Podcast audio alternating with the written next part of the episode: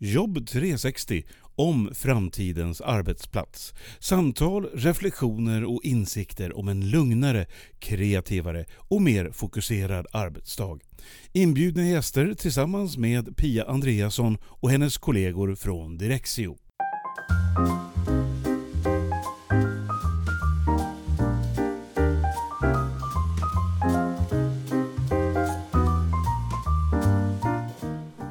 Idag handlar podden Jobb 360 om mig, Pia Andreasson, och företaget Direxio. Vi bidrar också till framtidens kontor genom att hjälpa medarbetare jobba mer medvetet och mer digitalt. Och det var min tidigare kollega Åsa Dahlqvist som kläckte idén att jag också borde få berätta om mig själv i den här podden eftersom jag jobbar också med framtidens kontor. Så hon bad att få göra en intervju med mig om just det.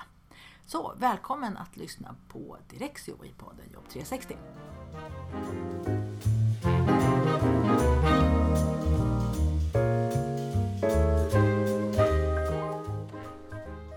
Ja men hej Pia Andreasson Hej! på Direxio. Hej hej!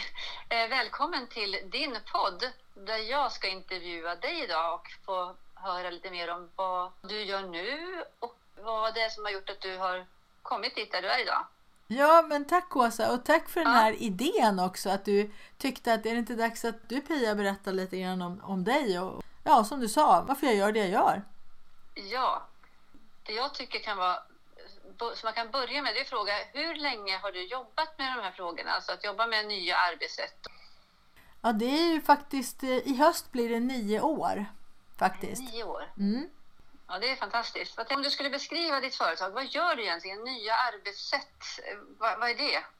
Ja, jag hjälper människor att jobba mer medvetet och digitalt och det handlar mycket om att, att man får lära sig använda de digitala redskap man redan har och använder i vardagen fast på en mycket högre nivå. Och med målet då att hålla koll på allting som ska hända idag och som ska hända framöver och vad som har hänt bakåt i tiden också. Så att man på sikt då kan fundera på, lägger jag tiden på rätt saker? Och utvärdera det. För att det, det som jag möter hela tiden det är att människor springer och jobbar och jobbar och jobbar och, jobbar och försöker komma ikapp. Eh, och det är någonting som är väldigt vanligt är att man försöker jobba undan en massa, massa små grejer först. Så att man sen ska hinna ta itu med de här stora sakerna då, som man tycker att det här måste jag liksom få tid med. Och så funderar man inte på om alla de här grejerna man jobbar undan först då, om de verkligen behöver göras idag överhuvudtaget. Men man gör dem först för att de är, ser små och lätta ut och är enkla och så tänker man jag skickar undan dem först och så, så jobbar jag med det svåra sen. Med resultat att man kommer sällan fram till de där grejerna som man tänker sig att man ska jobba med. Man blir försenad med dem och känner att man inte riktigt får ihop det. Men då måste jag fråga dig, när du började med det här för nio år sedan, var det just att du tänkte att du skulle, att du skulle bli liksom en Skype-expert och Teams-expert? Eller var det mer att jag ska hjälpa för, folk att hinna med fler saker i ett lugnare, på ett lugnare sätt? Ja, det var ju det där andra som du säger. Alltså, jag kände ju att jag ville hjälpa människor att, att få det bättre på jobbet helt enkelt. Och ända sedan jag faktiskt var barn så har min tanke med mitt yrkesliv det jag ville bli, jag ville hjälpa människor på något sätt. Att få det bättre och må bättre. Och när jag var nio år tänkte jag att jag skulle bli läkare. Därför att det var det enda som nioåriga Pia kunde tänka då, att då hjälper man människor. Men sen har jag jobbat som pedagog och jag har också jobbat med andra saker som inte direkt syftar till att hjälpa människor till att få det bättre i sin vardag men ändå på något sätt indirekt pekar ditåt. Så det har väl varit ett centralt tema för mig. När jag upptäckte det här då med personlig effektivitet då, som man kallade det mycket förr i tiden när man skulle hålla koll på sina papper och så. Och jag gick en sån kurs själv i slutet på 90-talet. Så när jag fick chansen då att plocka upp den tråden igen då kände jag att det här, det här är rätt för mig.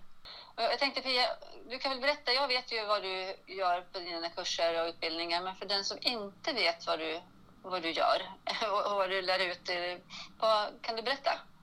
Ja, det är ju väldigt mycket ett tänk. Det är, jag kallar det ju för medvetet och digitalt arbetssätt och jag har fått feedback från många som säger att det där med medvetet Pia, det ordet är ju väldigt bra.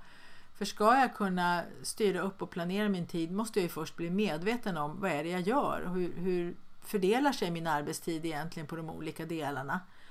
Och det är många som börjar reflektera om helt enkelt. Jag hade en kursdeltagare och sa, det första hon sa var att nej men det går inte att planera för mig Pia för att jag har så mycket att göra så det får inte plats i kalendern. Mm. Sen kom hon tillbaka på kursdag två då, för jag har ju alltid två, minst två eller gärna tre kursdagar som är halvdagar då. Och sa att nej men nu har jag börjat skriva in det jag gör och det är ju för mycket men det känns ändå bättre att ha koll på det då. Att det faktiskt är så här mycket. Ja. Och sen kom hon tillbaka på tredje kursdagen och sa att nu har jag börjat fundera på när jag lägger in tidkalendern, är det verkligen värt de här timmarna som jag tänker mig att det ska ta? Är det värt det? Och då hade hon ju verkligen börjat värdera sin arbetstid i någon, på något sätt i relation till arbetsuppgiften. Hur mycket tid ska jag lägga på detta? Och då är man ju på rätt spår därför att jag tycker att var och en av oss har ett ansvar för sin tid. Att man lägger den på, på vettiga och riktiga och bra saker. Och då ja, gäller det ju på jobbet så att man verkligen tänker efter vad är det värt. För att annars riskerar man ju att det som man tycker är roligt och intressant får mer tid än det som man tycker är tråkigt eller kanske svårt. Mm. Men det är kanske det som är tråkigt och svårt som är värt mest tid. För det levererar mm. mest sen i andra ändan till andra människor. Du säger att du oftast eh, kör i grupp sa du. Vad är det för nytta att man kör utbildningarna i grupp? Jämfört med att man skulle gå en och en eller att man, den som vill kan gå en sån här kurs. Ja, det som är finessen med att om en hel arbetsgrupp går, jag har faktiskt haft väldigt många sådana kurser nu de senaste åren och det är jättekul. Mm. Det är ju det att om alla får samma kunskap och insikt, om alla vet vad alla kan brukar jag säga, då får man ju en helt annan höjd på det hela. För allt som gäller ut hela verktygslådan är ju inte användbar för precis vad alla människor. Mm. Utan jag brukar säga det att det är lite som en Aladdin-ask eller ett smörgåsbord. Att du ska ta det som du känner att du har mest användning för. Börja med det. Och sen mm. kan du plocka in de andra bitarna sen för du vet ju att de finns. Mm. Eh, och då blir det ju såklart att alla medarbetare i en grupp plockar lite olika saker vilket gör att alla kunskaperna blir ju kvar. Och sen brukar det också alltid visa sig att varenda moment nästan är det någon som redan har tagit och gjort eller använder sig av. Mm. Och då får de ju också se i gruppen att aha, Kalle han gör redan det här eller åh, Stina tänker redan på det sättet. Och då blir det som det. att eh, det här, det här har vi ju redan hos oss. Det är ju bara för ja. mig att börja med det. Vilket medskick har du till de, dina kursdeltagare sen när de ska släppas ut efter dina tre omgång, tre halvdagar till exempel? Hur kan man få det här att fortsätta leva om man nu har börjat tänka i lite nya banor och tänkte börja jobba i nya banor? Ja, jag brukar ju berätta att det här är någonting som tar tid. Det är inte så att det blir färdigt. Inte ens efter, efter tredje kursdagen då, för då är det ju två månader sedan oftast då som man började. Utan att låta det här verkligen ta tid och inte, att inte släppa det utan börja bit för bit och, och låta det sjunka in. Och sen också brukar jag betona väldigt mycket att man har kunskapen i gruppen. Så är det någon fråga som man har, eh, någon tankegång, så har man någon kollega som också har gått kursen så kan man fråga honom eller henne, du, kommer du ihåg hur det var eller använder du den här funktionen eller hur har du gjort? Och just känslan av att man inte är ensam i det här utan man är, man är ett hel grupp som har gjort det och sen också att man måste inte kunna allting och fatta allting på en gång. Som chef, man tänker så här, vi borde jobba lite mer digitalt, vi borde ha lite nya arbetssätt, vi borde inte ha alla de här pärmarna och papperna och det känns som att vi inte jobbar så, liksom, så effektivt och bra som man skulle kunna. Men då har vi ju Kalle och Lisa här och jag vet att de är jätteanti allt sånt här som är nytt. Så skulle jag be hela min grupp att gå en sån här kurs så skulle de bli slå bakut. Ja. Hur kan man hjälpa även dem? För alla människor är olika. En del bara hoppar på det här på en gång och tycker det är jätteroligt och andra kan ju vara ganska avvokt inställda till nymodigheter. Min erfarenhet är att många gånger så handlar det om otrygghet. Så för att ska det bli någon förändring då, då känner man sig otrygg och hur ska jag kunna klara det här? Mm. Och det är ju också den saken att gör man det här i grupp om man säger att alla nu får den här kunskapen och att det, syftet är ju väldigt tydligt att det här ska bli bättre för dig. Mm. Då, då brukar det landa för det mesta. Sen finns det ju vissa människor som inte ser fördelarna utan de säger det funkar bra för mig. Jag tycker att det här funkar bra för mig att ha mina anteckningar i min anteckningsbok. Mm. Och där är det, tror jag, en ledarskapsfråga att få de här personerna att förstå att men vi är flera på den här arbetsplatsen och vi behöver samarbeta. För att allt det man gör på en arbetsplats har ju koppling till andra människor. Och då behöver vi försöka se till att de här kopplingarna är så tydliga som möjligt. Minska riskerna till att saker tappas, glöms bort, att saker bara finns i ett anteckningsblock hos Åsa. Liksom. Det är ju väldigt känsligt. Och, utan kunskapen och informationen måste ju delas på så många sätt som möjligt så att den alltid finns tillgänglig när den behövs. Mm. Men kan man vara effektiv utan att lära sig de här nya digitala verktygen som finns idag? Ja, det kan man ju förstås. Eh, Att vara effektiv är ju ett sätt att tänka. Och det börjar ju med att man tänker att de timmar jag har till hands ska jag ju såklart använda på det bästa sättet. Utifrån min profession, utifrån eh, mitt uppdrag på jobbet och utifrån att man då, de allra flesta människor vill ju också, som jag då, leverera något bra till andra människor. Så att få en, en tanke och ett sätt att reflektera kring arbetstiden. Det är ju steg ett, att bli effektiv. Men sen finns det ju jättemycket ingångar i det där. Och man hör ju så väldigt mycket goda råd eh, överallt. Men goda råd, eh, det, det hjälper ju inte någon att faktiskt sätta igång med något. I så fall skulle vi ju vara vältränade och äta jättebra mat alla och ha perfekta relationer och ja. Men så är det ju inte.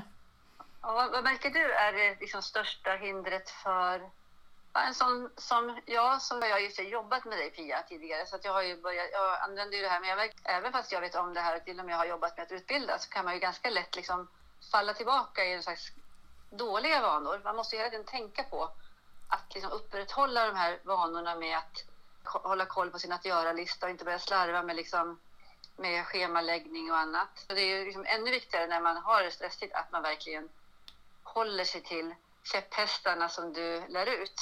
Vad, vad, vad kan man göra? Jag brukar jämföra med att om man vispar en äggvita. Lägger en äggvita i en skål och vispar en kvart eller något, då blir det ju väldigt mycket och det blir stort och det blir fluffigt och det sitter fast i skålen och man kan vända upp och ner på skålen och skaka på den och det sitter ändå fast och då kan det ju kännas som att det är väldigt mycket. Eh, Men det är ju ändå bara en äggvita. Faktiskt, det vet man ju. Så att mitt bästa tips när man börjar jaga upp sig själv sådär och börjar vispa upp sig, det känner man ofta upp i axlarna och så, att man liksom går upp lite grann och man börjar kanske andas lite fortare och sådär. Då, då är det dags att tagga ner, ta ett steg tillbaka och titta igenom sin lista och sin planering och eventuellt skruva på den då, då om det behövs. Om, om anledningen till att man är uppjagad att det har kommit in något extra då. Ja, samma sak där liksom. Okej, ta ett steg tillbaka. Var någonstans det här som dök upp nu? Var hör det hemma i min planering? För ibland kommer det ju in saker som är viktigast av alla. Så det, ditt budskap är egentligen att man försöker tänka igenom vad är det jag måste hinna med på en dag och också säga nej till vissa saker som man inte hinner. Alltså så man Precis. inte bara är med i en massa olika projekt som man aldrig hinner riktigt bli klar med för man sitter i möten hela dagarna. Och det, det som du lär ut, Pia, på dina kurser är ju otroligt bra att kunna och jag har haft jättemycket användning för det. Och eftersom jag är en naturligt eh, en sån här som hoppar på många bollar och tycker alltid att det sista grejen som någon sa verkar vara det roligaste att börja med så, är, så har jag haft så extremt stor nytta av, din, av det som också jag var med och lärde ut. Då, att eh, kunna sätta upp, att göra listor, fundera på finns det saker som, jag, som tar lång tid att göra, att lägga upp det som delar i min kalender, alltså, så att jag avsätter tid i min kalender för att göra saker. Ibland lyckas man och ibland så misslyckas man, men då tänker man i alla fall att det är så här jag ska göra. Och det känns väldigt skönt tycker jag, tryggt att ha ett arbetssätt. Även om man ibland strular till det för sig så kan man gå tillbaka till det. Precis, det är det jag brukar säga att om man har en plan så kan man ju ändra sig. Men har man ingen plan då, då är det, blir det liksom hit och dit och man vet inte Nej. egentligen efteråt om man lyckades eller inte. För som du säger att, att veta att ja, den här dagen vart det inte som jag tänkt mig. Nej men det är ju också en insikt och en kunskap. Men de flesta människor går hem varje dag och vet inte ens vad de hade tänkt sig. Och hur ska man då kunna veta om det blev bra? Jag brukar säga att om man har en plan och så lyckas man med den till någonstans runt 80 procent över ett par veckors tid, då är det ju jättebra resultat. Men, men vet man också om då att, att jag har en plan men 20 procent av den minst måste kunna liksom bytas ut och ändras. Ja. Då kan man ju ta saker som kommer in för att det finns det ju någonting man kan flytta på och lägga längre fram i, i prioordning då. Och så ta mm. det som verkligen är viktigt exakt just nu. Och det är det som är så skönt för då, då har man det antingen som en kalenderpost eller, eller att göra post. Och då, kan, då är den kvar. Även, man, om, även om man inte hann göra den den dagen så har man den kvar. Man lägger den nästa dag så glömmer man det inte. För det är det som också kan kännas väldigt stressigt om man bara har allting i huvudet. Att man kommer att missa saker. Ja. Men vet, man vet ju då att jag kommer inte missa det här. Det är det som kursdeltagarna säger, precis som du säger. Ja. Att, att det, nu känner jag att jag kommer inte att glömma någonting. Mm. Och att det, det är en väldigt skön känsla. Mm. Och du är en källa till jättemycket inspiration och kunskap, Pia. Vad ser du framför dig nu närmaste tiden? Eh, vilka tycker du borde liksom verkligen ta tag i det? Jag upplever mycket att det behövs en grundläggande digitalt eh, kompetens i arbetssätt. Alltså mm. att hantera sig själv i den här verkligheten och själv se att jag har nytta av de här digitala redskapen. Och känner man det, då får man ju också ett intryck av att ett, ett redskap, även om det är digitalt, så är det någonting jag ska ha nytta av. Det är liksom som ett rivjärn eller en mixer eller en elvisp eller vad som helst. Mm. Det, det, är ju användbart för mig. Mm. Och kan man då inte på företaget få personen att se på vilket sätt är det användbart för mig, ja då är det ju svårt. Man installerar de här tekniska lösningarna och sen är det personer som du då som är lite nyfikna på, som tar till sig information, tycker det här är lite kul och intressant. Ni kommer ju en del på väg, eh, en bit på väg, men ändå inte fullt ut därför att ska man kunna ett redskap fullt ut, jämför när du tar ett körkort. Du får lära dig jättemycket saker om fordonet och om trafikreglerna och hur man kollar oljan och hur man mm. tankar och vilken bensin man ska ha eller bensin eller diesel är ju ganska bra om du vet skillnaden. Så liksom du får mm. veta jättemycket faktaingångar mm. i det här innan man släpper ut det i trafiken. Men digitala hjälpmedel, digitala redskap det installeras bara och sen är det liksom upp till var och en. Och hur kan man förvänta sig att det ska bli någon höjd i kunskapen? Bara på, för, på människors eget initiativ. Jag menar man har väl annat att göra hela dagen än att sitta och rota runt i de digitala redskapen. Man försöker sköta sitt jobb. Ja, och så tänker jag ibland så, tänk, så känner jag att en del personer som jag möter tänker liksom att själva redskapet ska göra jobbet. Ja, precis. Nu har, nu har jag Teams, varför blir det inte bättre? Ja, eller hur? Varför jobbar vi inte bättre? Ja. Och nu bara slog det mig när du sa rivjärn och allt det här. Försök tänk mig liksom att du gör Pia med Direxio och hur du hjälper människor. Ja. Att lära dem att laga mat. Ja. Både hur man planerar och hur man tänker kring matlagning. För det, det själva meningen är att mat, det ska bli en, maten ska vara klar en viss tid. Ja. Utan, att man, utan att man själv ska vara helt utmattad. Och den ska vara god, god och näringsriktig och man ska ha ingredienserna ja. hemma och så vidare. Och man ska kunna sina redskap så att man använder rivjärnet eller elvispen eller ja. foodprocessorn liksom i rätt sammanhang. Ja. Och min man då kommer hem och har köpt en jätte, helt ny sprillans ny så här, mixer eller food processor eller det heter, med massor av olika funktioner. Då kan jag, den kommer inte göra någon nytta till mig om inte jag vet hur den funkar. Exakt. Och då kan jag välja att fortsätta laga mat på mitt vanliga sätt eller tycka att ja, men det här kanske kan vara någonting som kan hjälpa mig i mitt sätt att laga mat. Alltså, jag tänker att kan man de här grunderna som du lär ut i hur man ska tänka kring att planera och strukturera och liksom se till att man får en bra arbetsdag, då kan man ju också sen plocka de här digitala verktygen som kommer och Precis. även utvecklingen av dem och förstå liksom hur man ska kunna använda dem för att jobba bättre själv. Ja, och det är ju det. Jag vill ju att alla mina kursdeltagare, om nu de inte redan hade Teams, vilket de flesta inte har mm. ännu faktiskt. De, de, har det men de kanske inte börjar använda det. Men då ska de ställa frågan, okej, okay, vad kan det här ge för fördelar för mig och i förlängningen till verksamheten och det vi ska leverera? Vad är det för fördelar med det här? What's in it for me helt enkelt? Och börja med att det ska göra nytta för mig i mitt jobb. Vi är ganska egoistiska vi människor så jag brukar starta där. Om människorna ser att det gör nytta för en själv då blir man mer intresserad. Och sen brukar jag säga och sen dessutom så kommer det till nytta för, för er som grupp också. Åsa avslutar med att fråga mig vad jag ser som min viktigaste prioriterade målgrupp framöver. Men alltså offentlig sektor, därför att jag tycker att lär man medarbetare det här så får vi ju alla i Sverige får ju bättre nytta av våra skattepengar. Alltså om alla medarbetare i offentlig sektor lär sig jobba på det här sättet och ta hand om sig själva, hålla koll på sin tid, ägna tiden åt det som är viktigt. Det skulle betyda oerhört mycket så jag fortsätter att satsa mycket på att prata med offentlig sektor, mycket med kommuner och även några statliga verk och så. Och där kan man verkligen återknyta till det du sa i början av vårt snack här Pia, att du vill göra nytta. Och det gör, då gör det liksom lite dubbel nytta. Det gör både nytta för de personerna som jobbar där men också nytta för liksom, samhället. Ja, precis. Det är väldigt fint tycker jag, att man kan, att man kan ha ett sånt jobb där man kan hjälpa människor att faktiskt göra nytta för hela samhället. Ja, det är win-win. Och sen ja. att jag har väldigt roligt när jag gör det här också. Det är en vinst för mig med faktiskt. För jag tycker det här är så kul. Både att ha själva utbildningarna och att kunna hjälpa människor på det här sättet. Ja, jag vill ju utveckla lärandet i, i de digitala medierna. Jag har ju en webbkurs också som alla kursdeltagare får om de går kursen in real life. Och det är ju viktigt att ha som stöd och repetition och så. Så att man vet säkert att jag har tillgång till all den här kunskapen som jag har fått. Men också hur kan man utbilda mera på distans? Hur kan man få det, kanske göra en kombination av distansutbildningar, att man träffas fysiskt också. Och mera se så att man verkligen plockar fördelarna. Precis som jag sa det här med ett möte då. Liksom, vad är det vi gör när vi träffas fysiskt och sitter mitt emot varandra? Vad är det som det är bäst att göra då? Och vad är det som är bäst att ha på en webbkurs? Och vad är det som är bäst att kanske ta via Skype eller Teams eller något i den stilen? Så var landar vilken del bäst? Det är väl så, så jag tänker att, att jag skulle vilja utveckla mig.